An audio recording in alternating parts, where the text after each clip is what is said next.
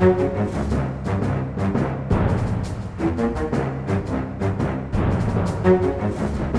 ja.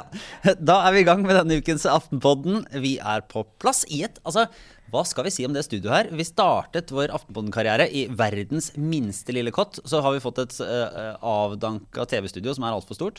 Og nå, uh, hva er det det ligner på, dette her? Altså det, I praksis er det et nedrigga uh, studio vi sitter i. Det er bare skjelettet igjen. Men det minner aller mest om et sånt avhørsrom uh, med sånne sterke lyskastere som treffer oss rett i øynene. Eventuelt en nattklubb i Berlin. Ja, av, den, av, av, den, av, den, aller minst sånn eh, varme, eh, hyggelige typen. Da, da, da Mattilsynet aldri må komme. Ja. Jeg tror ikke de har mat her. Nei, nei. det har jeg nok heller ikke. Men uansett, eh, velkommen, velkommen, Sara Sørheim. Takk, god morgen, god morgen. jeg vel si. Ja. Ja, Kjetil Astheim, god morgen, god morgen. God morgen. Trine Eilertsen, hvordan går det? Jo da, sånn passe.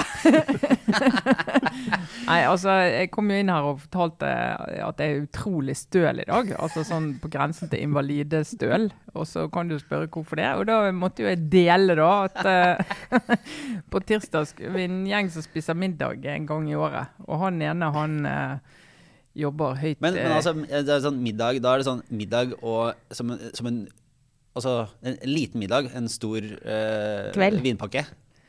Ja, altså det er det, det, som skal til for at det blir kveld, en hyggelig ja. Det er både lenge og vel. Ja, det er det. Fin kveld. Eh, og da eh, han eh, arrangøren, eller han som inviterer, da, han eh, jobber i Sats. Høyt oppe i Sats-systemet. Jeg håper du hører dette. Sondre. og han eh, mente at eh, denne middagen ville smake mye bedre hvis vi alle trente ja, på sats før, altså. vi, før vi gikk og spiste middag. Og da, eh, da, da, tenkte jeg her det er jo bare å være sporty, så jeg bare jublet. Og selvfølgelig skal vi det. Og så kom jeg ned på Sats, da. På Solli. og, og det var bare jeg som kom. Det burde jo vært en skjønner sånn herre Jeg inviterer til en liten treningstur før middag. Da er de som er litt uh, streetwise, da, de finner jo på et ja, møte. Så da var det noen som uh, Ja, faktisk en sjefredaktør i en veldig stor nettavis som mente at han hadde et eksternt møte utover ettermiddagen, så han kunne ikke. Og så, og så var det en eh, fra Bergen som hadde vondt i ryggen, og så, sånn gikk tiden. Så da var det jeg og Sats som trente på Sats sammen med en instruktør. Og du vet, når du er så få, du kan ikke slippe unna noen ting. Du kan ikke slippe unna noen ting. Så jeg måtte jo bare gi alt jeg hadde. Og da ga jeg alt, og da er det ikke mer igjen. Det er så bra, den derre Altså det er, så, det er så moderne å skulle ta en sånn Ja, men vi kan jo trene litt først. Det er sånn næringslivsleder eh, Jeg trodde at dette var At de hadde kommet over den fasen. Altså, trodde, det her var liksom ja. Birken-generasjonen. Eh, som, som, bare Som hadde gitt seg. Og nå var det mer liksom, det gode liv igjen. Ja. Men jeg sender jo en varm tanke til de som Det var litt feigt at, at, de fant på unnskyldninger. Jeg syns de bare burde satt seg i baren, tatt en øl og så ledd rått. Og så ledd når vi kom, kom ja. på, på, faktisk da elsparkesyklene ja. våre etterpå med håret flagrende. Men nå syns jeg Du lever jo topplederlivet nå, Trine. Jeg gjør det, så ja. det er jo bare å stå i det, altså. Og innse at uh, hvilepulsen må være på 26 hvis dette skal gå. ah, ja. Men det var, en veldig, var en veldig hyggelig kveld, bare så det er helt klinkende klart. Men det har kostet i bakkant. Ja, bra du ofrer deg. Det, fint. det var den urbane aktiviteten som har foregått uh, denne uka. Uh, du Kjetil har jo vært ute i, i, det politiske baklandet, eller hva skal man si, ute i Norge. Hele Norges podkast Aftenpodden ja. ute på tur. Ja, ja. Jeg har vært i Bø. Ja, ikke sant? Ja. Min, min, hjembygd Bø i Telemark. Ja, For der var det både statsminister og kommunalminister og distriktsminister som var eh, kommet for å legge frem distriktsstrategier. For nå er de opptatt av å stanse sentralisering og, liv og røre i distriktene. Men det var jo mest av alt det at de skulle ut på rånertreff på Bø torg. altså foran Heradshuset, hvis jeg så, ja. så riktig på, på bildene. Det er, altså, dette, er, dette er så uh, rart og så, så merkelig at disse verdenene møtes. At liksom, rånerne i Bø, da, så ikke et vondt ord om dem uh, Du var ikke råner jeg var, jeg var ikke som tidligere nevnt, jeg var ikke, ikke, blant dem. Har blitt en sånn magnet for norske politikere. Det er, det er, med, det er, liksom, det er bildet på uh, 2021. Det er liksom distriktspolitikken eh, trekkes liksom rånekulturen, da, som er den folkelige eh, På mange måter liksom positive sånn eh, bygdekultur og, og samlingstreff, og, men også til dels litt sånn antiintellektuell og, og veldig jordnær, blir samlingspunktet. Og så litt sånn kjendisfjeskeri. Det at de liksom reiser til Ok, vi skal reise, og sitter, eh, sitter, Nikolai Astrup og, og Linda Hofstad Helleland og Erna Solberg og noen sånne rådgivere inne på et kontor i, på, på SMK. Og så er det sånn Ok, vi må ut i distriktene. Vi må finne Hvor er bygda? Altså, ja, jeg har sett en TV-serie. Og, så- og så reiser de dit, og så møter de skuespillerne i TV-serien. Ja, så var ikke de ekte rånere? Jo, jo det det var- var, det var altså, det var, de møtte ekte rånere og, og kjendisrånere, som er da skuespillerne. Fordi de, NRK driver og spiller inn sesong tre av Rådebank der oppe akkurat nå. Spørsmål. Vær så god. Rådebank er ikke en dokumentar. Nei, det er en nei, dramaserie. En veldig god dramaserie, må jeg få lov å si. Uh, og en annen ting er em, eh, Jeg trodde liksom at uh, Nikolai Astrup Altså kan vel ikke være Altså Det finnes vel ingen større trussel mot rånerkulturen enn han? Altså, hvis han skulle oppsøkt en TV-serie, et settet til en TV-serie der han gled liksom mer naturlig inn, så ville det vært Exit-serien Exit-serien isteden. Så liksom, er det ikke det som der rånerne, rånerne går for å dø, sånn kulturmessig, da, i møte med Nikolai Astrup? Altså, jeg da, liksom, finnes det nå en rånekultur fortsatt i Norge, eller ble den utsletta eh, med denne happeningen? Nei, han sto, han sto og diskuterte Teslaen sin med en av disse rånerne som han skulle få sitte på og, og råne litt på Men, stripa. men da. hadde han armen ut, albuen ut av vinduet, Her, og lille juletreet og Ja, de satt jo der inne i bilen med, med munnbind på, så det så litt rart ut. Men han hadde da på vei ned, så hadde han da i statsrådbilen spilt eh, rånemusikk for å komme i stemning. Blant annet ja, 'Ermen i kermen', som en av eh, rånerhitene visstnok heter. Så det, men, men hele det der, Men det er jo altså Solberg dro dit og opp og kjørte rånebil. Og så var hun ute og så fotball-EM sånn på et eller annet sted her i Oslo. Sånn, og drakk uh, vin sammen med Guri Melby og Sindre Finnes og, og Ropstad, som selvfølgelig drakk brus. Og så har hun vært på innspilling av Allsang på grensen, så det er full sånn og Hun har Folkelig uke. folkelig 2-0 den dagen der. Jep, Men eh. Erna Solberg kan tenke meg glir mer inn i den rånekulturen. Ja, så Linda Hofstad Helle- Helleland skrøt jo av at hun hadde vært en liten eh, rånejente i Trøndelagen og sittet i baksetet på en sånn Volvo 240, så hun prøvde jo å, vise at hun, dette var noe hun hadde krevd. Ja, det var hjemmebane, ja. Men var det noe politikk i det her? Ja, altså, det, det var noe med bredbånd og Bredbånd til hele landet? Det har vi nå snakket om i 20 år. Ja, men nå var det, det høyhastighet innen 2025 pluss en del andre ting. Ja, for nå mener vi det. nå, Men, det var, men det, var jo, det var jo på en måte ikke helt sånn tilfeldig valgsted heller, da. Fordi eh, altså, Bø i Telemark, som nå er slått sammen med gamle Sauherad til Midt-Telemark eh, kommune, er jo en, på mange måter et eksempel på en eh, på det vellykka distriktskommune som har hatt eh, tilflytting, har hatt et eh, aktivt næringsliv og på en måte Ja, sånn interessant- høyere utdannelse. Og høyere utdannelse, og, Ja. og sånn sett og de, satt, og de har svær eh, landbruk med fruktdyrking og sånne ting. Så det, er jo, det var eh, for så vidt et bra sted for dem å dra, i tillegg, ikke bare pga. Uh, den NRK-faktoren med Rådebank. Men er dette egentlig starten på valgkampen? Er det, for det, Jeg tenkte at her, dette, nå, er, det- nå er det valgkampen kjøres i gang i rånebil i Bø. ja, eller liksom Den spalten din, Lars, nå er det valgkamp. Ja! Den har vi nå på en måte tatt, føler jeg. Veldig, veldig bra plukka opp. eh, Trine. Nå er det valgkamp. Det er eh, når bildet av eh, Erna Solberg som, som trekker inn lukta av en sånn Wunderbaum Ikke én, det var en hel ja, skog. Ja. En neve full. Men, eh, men det er sånn, distriktsplanene, er det egentlig sånn som er sammen på en måte litt sånn Jeg skal ikke si sammenraska, men at man liksom plukker ting som man har drevet med uansett eller vil gjøre, og så kaller det en strategi, og så reiser man til et sted og legger det fram? Litt typisk valgkamp? Eller er det noe som er nytt eller eventuelt kontroversielt politisk der? Altså det, har, det har vært uh, sånne høringer og samråd eller hva de har kalt det gjennom våren. Og, det, var, det kom som et utspill fra Helleland litt tidligere om at hun ville ha litt ulik distriktspolitikk for uh, fjellområder og, eh, og langs kysten og sånne ting. Uh, og ingen skjønte helt hva det var den gang. Og nå har de konkretisert det mer og lagt det frem i tre forskjellige strategier avhengig av ulike typer i ulike deler av landet. Så det, det blir jo for for regjeringspartiene å ha noe, et konkret svar inn i de distriktspolitiske debattene gjennom valgkampen. Men skal hun reise da Ok, her er det med ulike distriktspolitiske eh, strategier til ulike deler av landet. Nå i, hver uke blir det møte med en sånn eh, et van, en vanlig person i, i valgkampen.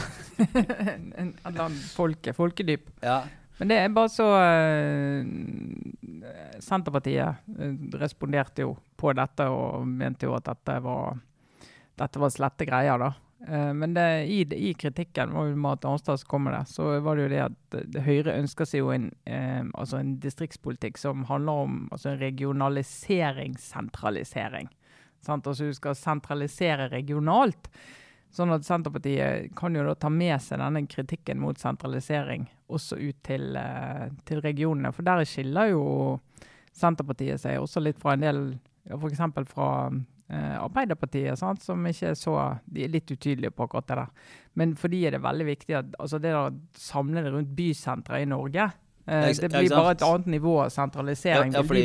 En argument er at du da Ok, du kan ikke opprettholde måte alle tjenester på, i hver, hver lille si, semitettbygde strøk, men, da vil liksom, men det skal ikke sentraliseres til Oslo eller til liksom en regional storby, men også til liksom mindre sentra. Da, og det er løsningen. Mens, mens Senterpartiet tenker at det At også det å bli er for en- mye Ja. sentralisering hvis du virkelig skal bosette folk i hele landet. Så det er sånn innenfor desentraliseringssegmentet kan du da skille mellom de. Men det er også lett å glemme når man jobber og bor i Oslo, at den diskusjonen som ofte handler om Oslo versus distriktene, at du finner den igjen i mindre versjon rundt de fleste store byene, eller mellomstore byene i, i hele landet. Ja, og at den diskusjonen rundt Tromsø eller rundt Trondheim også er i aller høyeste grad levende. Hvor du Ja, har en sånn byland. Jeg satt jo i Bergen i flere år og jobbet i avis, og da var det jo hele tiden eh, Bergen på bekostning av alle rundt, og altfor mye oppmerksomhet, og alt tyngdekraften seg inn. og Men eh, ja, tilbake til Oslo, så er jo den årvisse tradisjonen som vi har snakka om tidligere, de avsluttende pressekonferansene, eh, i Vi, gang. var vi først? Vi var vel først i år. Eh, på samme måte som altså Jeg tenker jo regjeringa eh, og politiske partier av og til så, så tenker sånn Ja, vi starta valgkampen aller først. Og så er det sånn, ja, fordi at man har reist en liten uh, turné i juni eller et eller annet sånt. Og så det betyr at man tar det enda mer på alvor. Vi var først ute med de avsluttende pressekonferansene. Det skal ingen ta fra oss. Eh, vi tok oppsummeringene på, på det høyeste alvor. Hadde livesending her i for en kort tid siden, som for øvrig da klippes sammen til en podkastversjon som kommer neste uke. Så det er ikke helt sommerferie ennå. Men, eh, så vi er på en måte både først og sist, Ja. vil, jeg, vil jeg tenke. Men eh, de er i gang, og eh, SV var i gang med sin jordbærservering. SV har servert eh, jordbær, så det var en ekte oppsummerende pressekonferanse, vil jeg si. Hadde de noe mer å by på enn en eh, jordbær? Ja, det var litt klimapolitikk, og så Og oljepolitikk. Det er klart, øh, altså, det, det, det kravet om å holde, altså stanse nye lisenser, den slags, blir viktig for SV i en eventuell regjeringsforhandling. Og er jo en av de tingene som blir vanskelig både med Arbeiderpartiet og ikke minst med Senterpartiet. Mm. For akkurat nå når du begynte å snakke om SV, tenkte jeg sånn Jøye meg, hva skal de oppsummere med? Altså Nå er det sånn trå vannet-stemning. sant? Altså Dette året har handlet om pandemibekjempelse. Det har vært veldig vanskelig egentlig å få satt noe annet på dagsordenen av naturlige grunner. Og så er det sånn stille før stormen. Snart braker det løs med valgkamp. Så jeg satt og tenkte på i all verden, hva kan Audun Lysbakken altså, Hvordan skal han fylle taletiden, liksom? Men, men han men klarte de har, vel det. Har ikke de veldig gode målinger for tiden? De li- ligger jo jevnt ganske godt.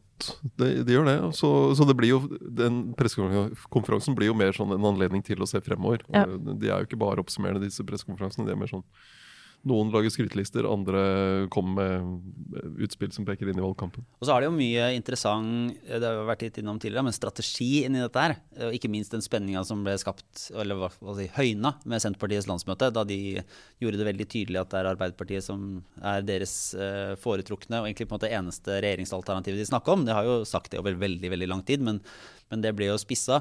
Eh, og det var litt morsomt å høre Audun Lysbakken i Politisk kvarter, var det på mandag denne uka, med, i, en slags duell med Marit Arnstad. De har jo på en måte ikke prøvd, eller det har ikke vært så ofte de har vært og debattert hverandre eh, på regjeringsalternativer, men nå var det, jeg synes det var en ganske god debatt. Eh, mellom, mellom Arnstad og Lysbakken om nettopp disse strategiene. Da. For der, der Senterpartiet har sagt at eh, de snakker bare om sitt alternativ, egentlig, som er, er å regjere sammen med Arbeiderpartiet. eh, vil liksom ikke gå inn i noen alternativer. Så har SV lagt seg på den der omfavnende eh, linja, der alle, skal, alle på rød-grønn side skal med. Kumbaya-linja til Ja. SV. Men, men eh, var, var, de innom, eh, var, de innom, konkrete saker, eller var det mer sånn diskusjon om det styrings... Nei, altså Det var mer diskusjon om styringsbiten, men det var Mm. morsomt altså Det er jo morsomt kanskje først og fremst hvis man er litt interessert i politisk strategi da, og, og kommunikasjon. Det er Eh, alle våre lyttere. Det er alle våre altså. lyttere, så jeg, jeg regner med at dette ikke sånn sett bommer helt. Men, eh, men det var fordi Marit Arnstad holder seg jo veldig til at altså sin, eh, si, sin uh, strategi Som bare sånn Vi snakker bare om oss sjøl og om Arbeiderpartiet. Eh, men hun vil jo ikke helt sånn si, hun vil jo ikke si eksplisitt at de f.eks. ikke skal eller på noe tidspunkt kan samarbeide med SV. Nei, nei, de utelukker jo ikke det. Så, og det men, men de går eh, De har på en måte gått lenger nå i løpet av de siste mm, par månedene med å, å vise avstand til SV. Sånn at de, de skaper jo Det er en balansegang her. Fordi de kan skape et problem for seg selv hvis de hvis in, velgerne får inntrykk av at det, ikke, at det aldri, aldri vil skje at de vil inngå et samarbeid med SV, for det, det kan skje. Det er ganske påfallende, fordi den saken som vi snakka om for noen uker siden, eh, som var i forkant av landsmøtet, som, eh, som eh, vel var i Dagens Næringsliv, var det det? Samme, det, var, det var et, en god sak, egentlig, men det var i Dagbladet. Den saken som ble litt sånn eh, Som vi også var kritiske til, fordi den var litt vanskelig å forstå, om at, om at eh, Senterpartiet ikke engang ville sette seg ned med SV og forhandle om regjeringer, fordi de var misfornøyd med denne uravstemningsstrategien til SV, blant annet. Eh, Og det ble jo eh, Vedum gikk hardt ut i etterkant og sa at dette, er, dette stemmer ikke, dette var feil. Dette er. Men når Marit Arnstad var i studio i Politisk kvarter, så hun sier ikke det eksplisitt, men den, altså oppfattelsen fra den saken ligger som et på en måte, akseptert premiss nesten gjennom hele den debatten. Ja, altså, den, jeg tror eh, den, det er ikke bare taktikk fra Senterpartiet å si at de vil ha en Arbeiderparti-Senterparti-basert regjering. Det er, hva de, det er det de ønsker. Det er det de helst vil ha. eh, Og fordi de, de ønsker å altså SV vil jo være med for å dra en sånn regjering i venstre retning. Så lenger i venstre retning. Senterpartiet vil ikke ha med SV fordi de vil ha muligheten til å å, å samarbeide, lage flertall i ulike retninger. Men det er litt For, for å den, plassere den regjeringen mer i sentrum. Så det, er, det er jo en, et reelt ønske fra Senterpartiet at det skal bli sånn. Men det er litt vanskelig å skille i eh, hvert fall hvis man liksom hører etter litt sånn halvveis, skille mellom hvem de ønsker å sitte i regjering med, og hvem det kan tenkes at de kan komme til enighet med eh, rundt et budsjett eller ha et samarbeid, en samarbeidsavtale med. Og det er vel på det siste at, eh, at Senterpartiet er relativt åpne for SV. altså De skiller vel ganske tydelig mellom det. At det, er, det er jo eksplisitt at de, at de ikke ønsker å sitte i regjering. Fall hvis Ja, ikke, men ønsker er jo et veldig sånn vidt politisk begrep her, da. For at de sier at det er jo ikke det de Uh, Men, men De, de utelukker det ja. ikke, men de, de er veldig tydelige på at de, en sånn samarbeidsavtale med et annet parti som ikke er i regjering, det vil de ikke ha. En sånn som Erna Solberg hadde med Venstre og KrF i starten. Det, det mener jeg er helt uh, ja, De er helt hoderystende til det. Men, men så er det jo interessant eh, det SVs eh, plan om å ha uravstemning. Der var jo Marit Arnstad fikk jo egentlig ikke sagt hele setningen eh, ut i det politiske kvarter, men det var jo tydelig at det hadde de ingen sans for. Men det er jo et veldig uklart uh, egentlig uh, politisk bilde. Det er veldig interessant, for på ene siden så virker dette valget allerede avgjort. Uh, det blir regjeringsskifte, det blir en eller annen form for uh, rød-grønt samarbeid. Men så, når man går inn i detaljene, så er det rett og slett veldig uklart. Og, og det, er, det er ganske vanskelig. Altså er, vi er veldig langt fra den situasjonen i 2005 hvor velgerne hadde et helt klart alternativ å gå til valg på. eh, hvor, de, hvor de rød-grønne hadde liksom De hadde på en måte snakka seg ferdig før valget. Så, så det er liksom Det er ganske det er, det er ekte spennende hvordan i all verden dette skal spille seg ut. Og det er utrolig mye politisk både taktikkeri og strategi, og også politisk kommunikasjon nå, hvor man prøver på en måte å være tydelig nok, samtidig som man skal favne mange nok velgere. Det er jo ikke noe enkelt, sant? Og det er jo litt si, det der ja. Marit Arnstad prøver å balansere også. Skal, bli, skal være det store Senterpartiet som skal favne mange, men samtidig opptatt av egentlig å være veldig tydelig på hvem de ikke vil bli assosiert med.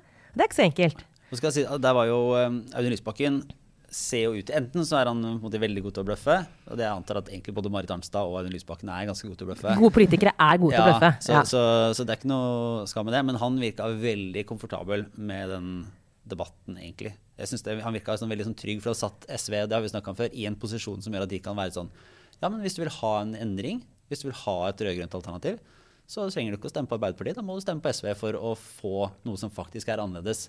Og han var jo veldig sånn Ja, men Senterpartiet, ja, det er helt en reell uenighet vi har her. Eh, Senterpartiet mener noe annet. Det får de lov til. Men vi vil ha en liksom, konstruktiv eh, dialog på rød-grønn side. Eh, favne alle. eh, finne en, gjøre en forskjell og få til et liksom, nytt politisk Norge. Og det, det var det var ikke, han klarte i hvert fall å holde maska på å være veldig rolig og avslappa og komfortabel med den situasjonen. Men det vil, jo, det vil jo ikke gagne Arbeiderpartiet hvis det skal være mange debatter mellom Senterpartiet og SV om, eh, om de skal samarbeide eller ikke. Nei, jeg tror de sitter litt, sånn, eh, litt mer stressa i det. Også er Det at SV sier at de skal ha en uravstemning om en regjeringsplattform, det, det kan altså, Arbeiderpartiet vil jo ikke dramatisere det, de, fordi de vil jo ikke dramatisere noe rundt det samarbeidet de ønsker. Men fra Senterpartiet så blir det det blir en, noe de kan bruke for å si, si at eh, de ikke vil sette seg ned med SV for å forhandle. fordi det å eh, hvordan skal du sette deg ned tre partier, inngå vanskelige kompromisser, og så skal det ut på en sånn offentlig høring i fire dager? Ja, nei, Eh, Og hva, hva skal de to andre partiene da sitte igjen med hvis SV sier nei? Og så har de Senterpartiet og Arbeiderpartiet gitt innrømmelser skal, som de etterpå skal trekke tilbake. Det blir en det blir, det blir jo veldig tungvint. Men det, men det som var, hvis du tar eh, Jeg har jo hovedfag i sammenlignende politikk, så jeg må jo sammenligne Never ting. forget. Jeg må sammenligne ting. Eh, hovedfag, det var sånn vi gjorde holdt på med før det der mastervaset begynte. Drev vi med det. Men da, altså Erna Solberg, hvis vi går tilbake til 2013 og opptakten til det valget der, så var jo hun sånn, lederen av det største partiet i opposisjonen. Hun hadde den rollen som Altså, dere kjære mulige samarbeidspartnere må gjerne krangle, men jeg vil samarbeide med alle. Det hørtes ut som Erna Solberg. Ja, ikke sant? Ja. Det er pussig det der. Vi kommer fra samme kulturkrins. Eh, og så eh, kunne hun stå der som en sånn rolig og de gang, Det gagnet jo Høyre og det gagnet jo Erna Solberg veldig at det var liksom de som hadde den rollen. Og så det at eh, KrF og Frp ikke tåler tryn på hverandre, det var på en måte ikke et veldig stort problem for henne. Men det er fascinerende å se hvordan eh, Jonas Gahr Støre og Arbeiderpartiet ikke eh, greier å ha den rollen nå. For det var jo gode, gode takter her på tidspunktet i starten. Eh, hvor Jonas også sa det at nei, men, altså, vi vil samarbeide med alle som vil ha et skifte. Altså Bare kom til oss. Og, men det har ikke fått den effekten som, eh, som Erna Solberg fikk av det. Og det er jo fordi Senterpartiet er så stor. Mm. Og det, de blir liksom stående som en sånn svær monster i, i midten. Eh, Og kanskje blir det uansett eh, enklere enn det har vært i Sverige. Ja, Sverige. For nå, altså Vårt eh, Er det favorittnaboland? Det er Ja, absolutt må jo si det. Nei, altså vi holder kanskje en knapp på Danmark, eh, men rent sånn politisk kaosmessig syns jeg sånn Sverige leder godt. Fascinasjonsfaglig. Ja. Da mener jeg Sverige er der oppe. Og Sverige har jo også denne f.eks. funksjonen som talemann.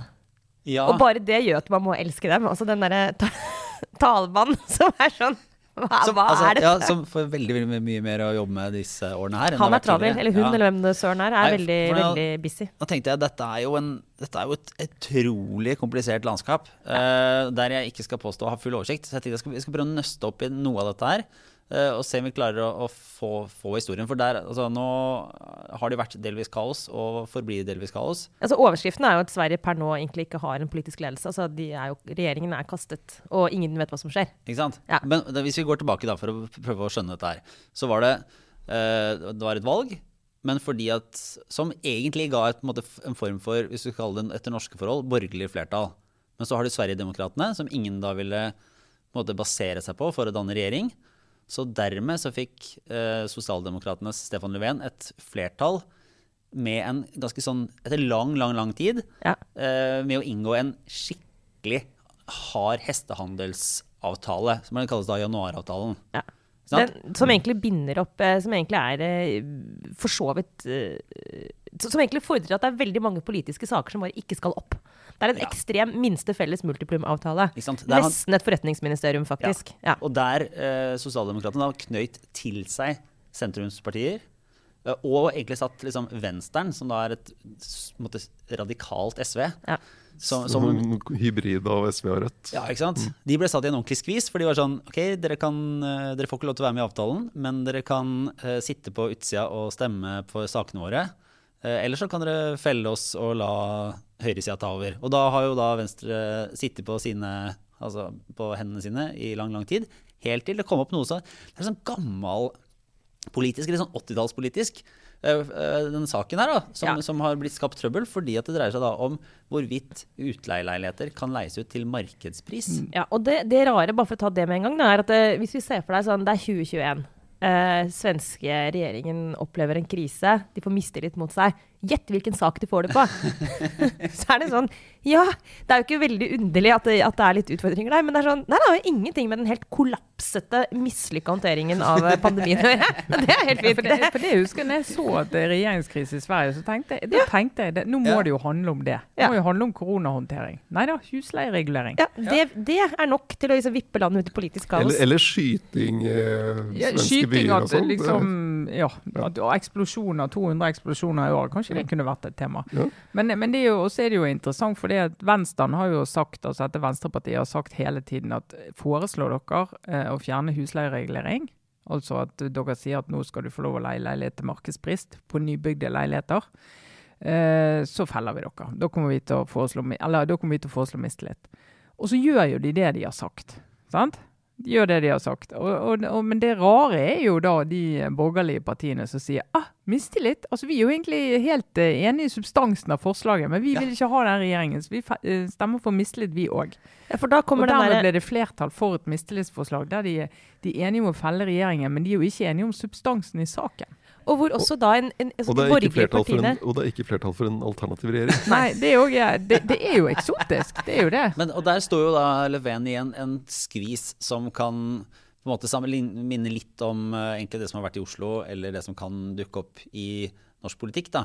Dersom uh, f.eks. Arbeiderpartiet skulle finne sammen med Senterpartiet basert på en litt sånn generell støtte fra, fra venstresida fordi de ikke vil ha Erna Solberg, at, eh, at eh, Löfven måtte ha lojalitet til liksom, avtalen, i hvert fall argumentet fra Sosialdemokratene var liksom å ha lojalitet til den januaravtalen og, og regjeringspartiene, og ikke lojalitet til de som sitter utafor. ja. Og så må du på en måte bare liksom, spille seg ut. Ja, og det er jo enda mer eksotisk, for Löfven og Sosialdemokratene er jo egentlig også uenig i den endringen. Ja, Men Löfven har jo ført mye politikk han egentlig er uenig i. For han, Ja, ja, ga, jo, han ga mye til Senteren og liberalerne i den januaravtalen. Så det er, en, det er en, eh, en regjering med Miljøpartiet og Sosialdemokratene som fører en politikk som ligger et godt stykke til høyre for, for uh, Sosialdemokratene. Ja, men så har du de liberale også. Og her er, må jeg innrømme at jeg ikke helt den posisjonen der. og le meg litt, jeg måtte le høyt. Jeg syklet ned til studio i dag morges og hørte på en, eh, en svensk podkast. Det kan jeg forresten anbefale. Det politiske spelet. Den forklarer ganske bra svensk politikk, i den grad det er mulig. Så gjør de et realt forsøk.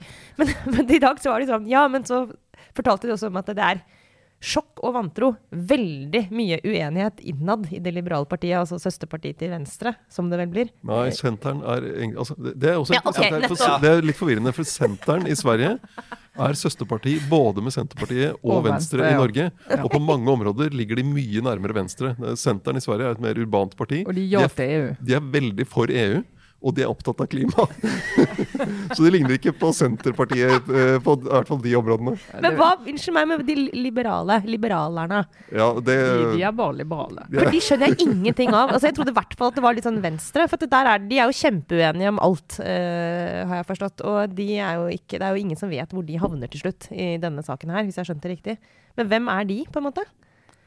Ja, de, de var jo også en del av den januaravtalen, så Ja. de sto sammen med senteren der. Og så har de nå gått ut fra den. Og, og så er spørsmålet hva vil de altså, Det var ingen som ville samarbeide med Sver- Sverigedemokraterna i utgangspunktet. Og så er endringen skjedd ved at Moderaterne har åpnet for å samarbeide med dem, og Kristdemokraterna. Og så er spørsmålet vil liberalerne også gå den veien. Ja, og det er der slaget står innad hos dem nå. Ja, Med mindre det da blir nyvalg, så vel er et alternativ. sant? At du rett og slett Men også eh, kan du ha et nyvalg, men du må fortsatt ha et valg om et år. Ja, ja. Det er jo fordi du, da skal, da må, de, de må senest ha det om et år. Men dette, dette mener jeg er et, et argument Dette viser hvorfor man ikke skal ha mulighet til å skrive ut nyvalg. Du skal tvinge de politikerne som har valgt, til å, å styre ut fra det folk har, eh, har stemt på, og ikke kunne ta en sånn nødutgang og Ja. slippe å ta ansvar. Jeg er helt enig. Men Fysj, fysj. Fysj av meg! er vi mot det. Nei, for Visstnok så skal da, hvis jeg ikke har helt gått i surr her nå, så er det innen mandag jeg, at Löfven må svare på om han skriver ut nyvalg eller ikke. Og Alternativet er at han finner frem til en enighet. Uh, med da noen. Uh, og i går så prøvde Anne Løf faktisk å komme regjeringen til unnsetning. Og gikk Lederen i ganske- senteren. lederen i senteren. Og, og kom med liksom et relativt konstruktivt forslag for å komme til enighet, men da er de avhengig av liberalerne. Og der er det ingen, er det, nå er det de som har veldig presset på seg. Sitter, hvis jeg har skjønt det riktig, i en posisjon hvor de kanskje kan komme regjeringen Löfven til unnsetning, men samtidig veldig mange sterke krefter i det partiet som jo vil eh, heller finne en enighet med eh, de borgerlige partiene. Så det er liksom tilsynelatende liksom helt uklart. Men hvis jeg har skjønt det riktig, Löfven har makten til å skrive ut nyvalg. Det kan han bestemme. Det ligger i hans hender. Det er vel det eneste omtrent som ligger i hans hender. Bare, og, og senteren sa jo da at eh, ok, den uh, husleiereguleringa opp til slutten, det er, ikke så, det er ikke så viktig likevel. Nei. Det kunne de Da tar vi noe ekstra skatt, skattekutt i stedet. Ta noe skattekutt Ja, ikke isteden. For det vil jo da ikke Venstre stille mistillit på. Nei, men det, det er jo Men det interessante også, i tillegg, da, det er jo det lett å glemme, er jo at Sverige også har den modellen hvor, de, hvor øh, Stortinget aktivt skal velge en statsminister. sant? På en annen måte enn altså, du har en, annen- en Svenske parlamentarismen er jo annerledes enn den norske. Noe som også gjør det veldig vanskelig. Denne talmannen som har som ansvar å finne liksom, Det er jo den funksjonen som skal finne frem til et styringsdyktig alternativ, har jo også veldig mye makt. Og jeg har skjønt også som at det er liksom uklart akkurat nå liksom, hvordan talmannen i parlamentet da, vil legge opp Tilsvarer stortingspresidenten vår. ja, men det er en veldig aktiv posisjon. Mye mer, I Norge er stortingspresidenten mye mer enn tross alt så mye makt der, selvfølgelig, men det er en mer sånn symbolsk funksjon. Mens her er det jo en sånn veldig Her, her ligger mye makt i hvordan talmannen Men går det er frem. forrige gang tok det jo fire måneder før de fikk uh, satt en regjering, så det er jo et symptom på at det kanskje ikke er helt optimalt måten de gjør det på. Får det ikke like lett som eh, den talmannen i Oslo, eh, Oslo bystyre, altså Marianne Borgen, ordfører, som ja. fikk oppgaven med å snakke med alle de partiene for å finne ut hvordan i all verden du skulle få på plass et ja. nytt byråd, om du kan kalle det det. Uh, Men da, igjen, det store forskjell var jo at det var jo et flertall å bygge på. Mens i Sverige er det jo veldig fragmentert. Nei, men da tror jeg vi går videre til en runde med obligatorisk refleksjon. Eh, kanskje du vil begynne, Kjetil? Det kan jeg godt gjøre, fordi eh, jeg syns vi har sett et, eh, et lite tilbakefall, egentlig, hos eh, Bent Høie nå i det siste. Ja, dette er litt vondt og vanskelig. Det er litt sånn eh, NB-alarm. Ja, og er- jeg, jeg, jeg tror det er viktig at vi snakker om det. Ja, nettopp. han, han var på vei ut av noe, og så har han dratt litt tilbake i sumpen. Han var det. Eh, Han, er, eh, han ramler liksom tilbake i poesien igjen. I, Uff da. i koronapoesien. Så, og i går, og onsdag altså, på pressekonferansen, så var han da, da var han langt inn i, i dikt og, og, og, da han snakket om meteren. Ja. Så jeg tenkte jeg skulle kanskje fremføre, bare for å vise hvorfor vi ikke kan ha Vi kan ikke ha dette. Eh, Bent Høies eh, dikt om meteren. Og- mm. Meteren er like lang som i fjor.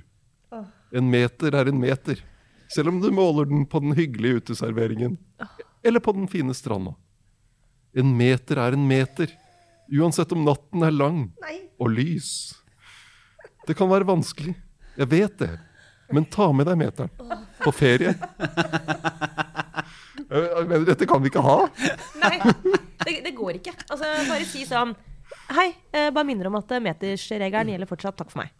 Men, men, men, men bare fordi at jeg det, han ja. kunne jo gått helt Olav H. Hauge, ikke sant? Du husker Ja. den der katten, stå, Katten sitter i tunet. Ja, ja, snakk litt med meteren. Ja. Det, det er den som er barast i gjenåpninga. drømmen vi ber på.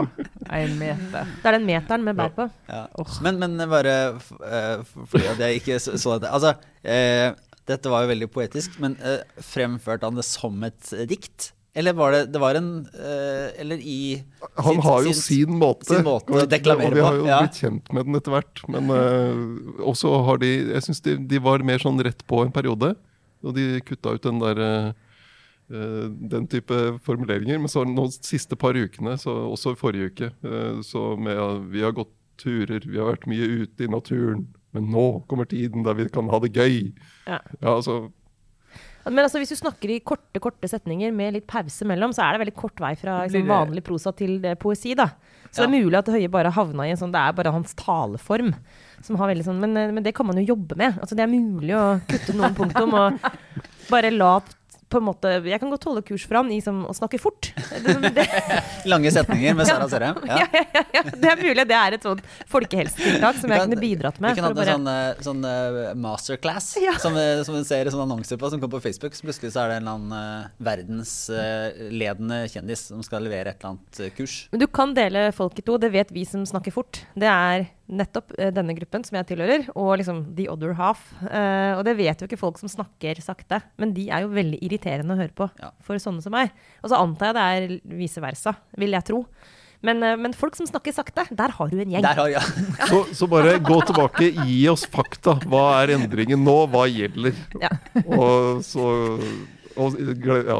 En Men- men- innstendig oppfordring, faktisk. Absolutt, Ja. rett og slett. Eh, Vi orker ikke mer. og en liten anbefaling. Ja. Jeg har vært på kino, sett på The Courier. En spionfilm. Kald krig, Cuba-krise. eh, Og basert på en 60-tall, rett og slett. 60, tidlig 60-tall, basert på en sann historie om hvordan eh, amerikansk og britisk etterretning brukte en, en britisk forretningsmann for å få ut informasjon fra den, en av de viktigste kildene som eh, vestlig etterretning fikk i Sovjetunionen. Og når man sitter her og ser den, det er Benedict Cumberbatch som spiller denne, denne forretningsmannen, så er det, eh, ikke pga. Benedict Cumberbatch, men pga. historien, så er det umulig å ikke tenke på Frode Berg. ja, Nemlig. ja, men det er fint. Eh, Sara, har du lyst til å fortsette et, et lite obligatorisk refleksjonsøyeblikk? Ja, altså dette her, og dette her er liksom rett og slett noe jeg bare sitter og Jeg har ikke noe klart svar, men jeg har sittet og lest flere ganger, faktisk. En, eh, denne, dette innlegget som VG hadde i går, eh, hvor som også varsler at det er, det er rett og slett eh, problemer innad i Ytringsfrihetskommisjonen. Hvem skulle skulle den trodd? nye. Den nye. Ja. Den nye. Og, da, og her, altså, vi snakker, vi, her snakker vi høy bruk av min undringskompetanse. For at jeg er jo utgangspunktet litt sånn i stuss over at vi trenger en ytringsfrihetskommisjon. Men er stuss, altså, det er et viktig tema. Men det er jo en, en regjeringsoppnevnt eh, kommisjon som ledes av, eh, av Kjersti Løken Stavrum, som har med seg en, en flokk med folk som egentlig bare er altså Det er altså en så eh, hummer- og kanarigjeng. Men masse interessante mennesker. Men de har prøvd å sette sammen en sånn kommisjon, kommisjon av egentlig absolutt alle avdelinger av liksom, samfunnet Norge. Jeg kan vel si at uh, dette er Ytringsfrihetskommisjonens variant av Farmen kjendis. Ja, Det, er sånn, det kommer fram etterpå at de har filma det. Alt er uh, det, det er egentlig bare en uh, enorm reality. Ja. Ja. Men eh, det interessante her, da, for å komme til poenget, er at eh, en av medlemmene, eller tidligere medlemmene meldte seg nå ut da, offisielt i VG, en som heter Begard Reza. Og hun det synes jeg var veldig interessant, at hun går da ut i pressen og sier at hun kan ikke lenger forsvare å være med i Ytringsfrihetskommisjonen. Og begrunnelsen hennes er at kommisjonen har invitert folk inn til å ytre seg i de møtene de har hatt, som hun mener ikke burde vært der. F.eks. denne veldig mye omtalte sløseriombudsmannen som driver en Facebook-side hvor han er veldig opptatt av å peke på Uh, offentlig pengebruk, bl.a. Uh, retta mot kunstnere, med en litt sånn utritende tone. Uh, og hun, hun argumenterer for at det, eh, eh, dette er ikke liksom, dette kan du ikke, Hun kan ikke forsvare å sitte i en kommisjon som inviterer folk inn, som står for ting som hun mener at er liksom, på utsiden av hva som er aksept akseptabelt, hvis jeg tolker henne riktig. Og det er jo helt sånn himmelropende ironisk. At, liksom, at, at en ytring, altså, Du kan ikke være med i en ytringsfrihetskommisjon fordi du ikke tåler de ytringene som kommer frem i det arbeidet. Og det er da jeg liksom får en sånn følelse av jeg merker, altså, Er det ikke derfor vi har denne kommisjonen? For å liksom kjempe for å åpne opp det ytringsrommet? Men det er jo her to verdenssyn bare krasjer totalt. For hva er det som er under press? Er det muligheten til å si hva du vil?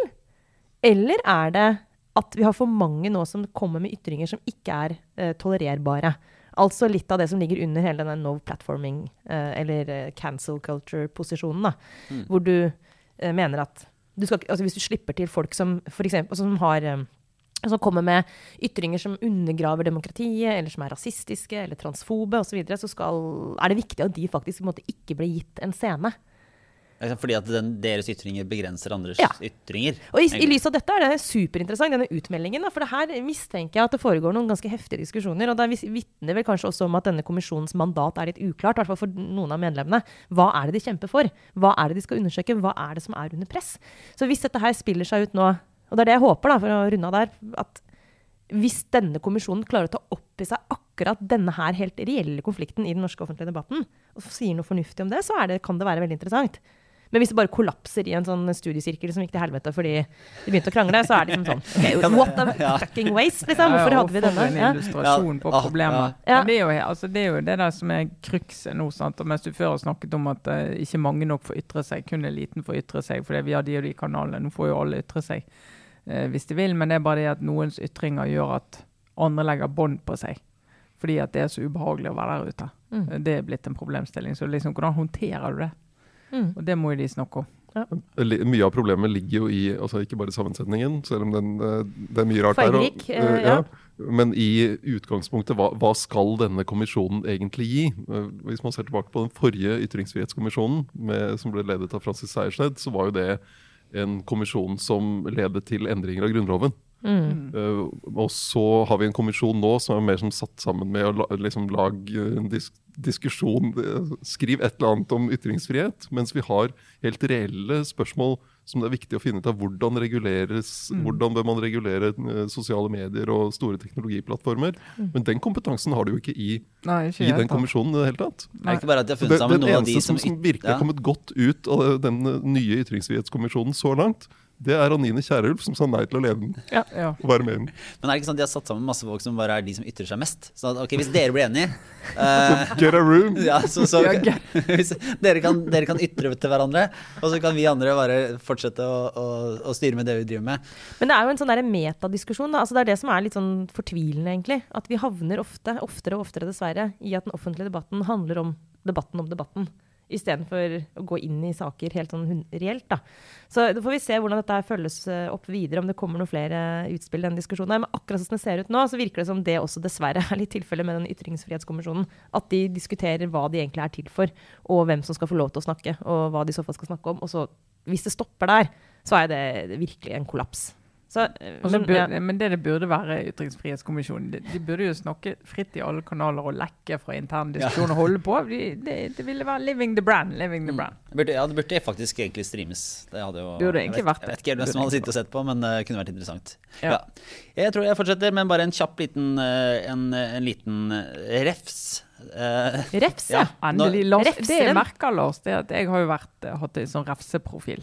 ja. Hvis du begynner å gå meg i næringen, du refser oftere og oftere. Ja, ja, ja. Mens du er litt sånn rundere nå, eller? ja. Nei. ja, men det er altså det jeg har merka, vet du. Jeg har jo blitt eh, forelder. Ja, det det. Og da, da ser jeg og Man mister humøret av sånt, ja, altså. Nei, ja, det- og så ser jeg hvert Sover lite og Ja, men, nei, men det er ikke så mye Det er ikke at den blir surere, men jeg ser særlig sånn hvis man Bare er på lekeplass eller ser andre foreldre, så må man på en måte lære seg som voksen å kunne si ifra litt tidligere, og også til andre barn. Og på en måte må liksom, ok, du bare må være, ta, Ta ta mer ansvar, ansvar, ja. for, også, for å, å påpeke oppførsel som ikke funker. Så, så da tror jeg det senker terskelen for, også, for å nappe liksom tak og så Hei, du, ikke ta den spaden. Eller, eller i dette tilfellet Hei, Uefa, ikke lag et så forbanna dumt oppsett for EM! Det er helt meningsløst.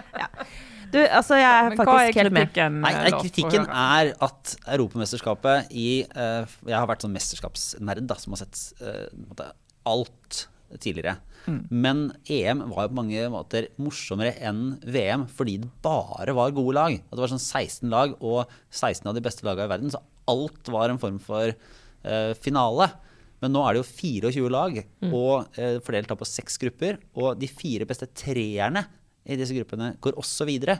Sånn at det er Det er litt sånn superligafølelse. ja, og nå har det vært hver er det, to uker med litt sånn kamper innimellom der det ikke er noe spennende. Nei, for det Også, står ikke om noe, liksom. Nei, veldig lite i hvert fall. Så det var én, nå er vi jo torsdag, da. Så det var en spennende runde her i, i onsdag kveld. Og sånn, da får man følelsen av å følge et mesterskap, som er noe av det som ordentlig morsomme med sommeren. Og får liksom følelsen av at det står på fotballkamp i bakgrunnen, og det er liksom sol ute, og det får liksom Så, Det er litt så, så det er stemning. utvidet fra hva du sa, 12 til 24? Nei, altså egentlig, det har jo utvida fra altså, hele veien, da. Men for få mesterskap siden så var det jo eh, 16. 16 til 24? 16 til 24. Og det er fortsatt så, sånn at man får inn masse nye, dårlige lag, men Norge er altså så dårlig at Norge, ikke, ikke engang med der. se- likevel ikke med. Hvor mange, hvor mange lag må ha, være med for at Norge skal Da må bli alle, med? alle Jeg må tror, være med. kanskje, jeg tror kanskje det må være 48, og da er det vel, eh, da er det vel i så fall liksom, Liechtenstein og San Marino og et par andre som ikke er med. Da. Og da er man jo, da er man jo tilbake på eh, faktisk EM-kvalifisering. Altså, det er jo, da kan man si at man er med. Har du et lag? Om jeg har et lag? Eh, nei, nei, ikke veldig. Jeg har vært eh, opp igjennom i gamle dager. Nederland. Eh, fulgt Nederland i mesterskap. Marco van Basten-generasjonen, det er meg, da. Ja, nettopp. Ja. Det er, eh, så, så det er, det er kanskje en liten knapp. De har gjort det bra, men det, det får nå være. Men nå er jeg bare sånn Uefa de slo hardt ned på den der superligaplanen som de mente var antisport, ved at ingen skulle rykke opp og ingen skulle rykke ned. Så har de et mesterskap nå der Med superligapreg. Ja, det er ba, altså Nord-Makedonia og et par andre lag går ut, resten fortsetter. Da kunne Ja. du bare konsentrert deg, gjort det mer effektivt. Så Enig, Lars. Her, Nå- hvis vi har noe som helst makt ja, det har, det Eh, har vi jo ikke. Mest sannsynlig ikke. Så, men da blir det 16 lag igjen. Ja. Ja. Så på, litt som på lekeplassen, så står man og kjefter, og så ja, det skjer ikke så mye. nei, nei.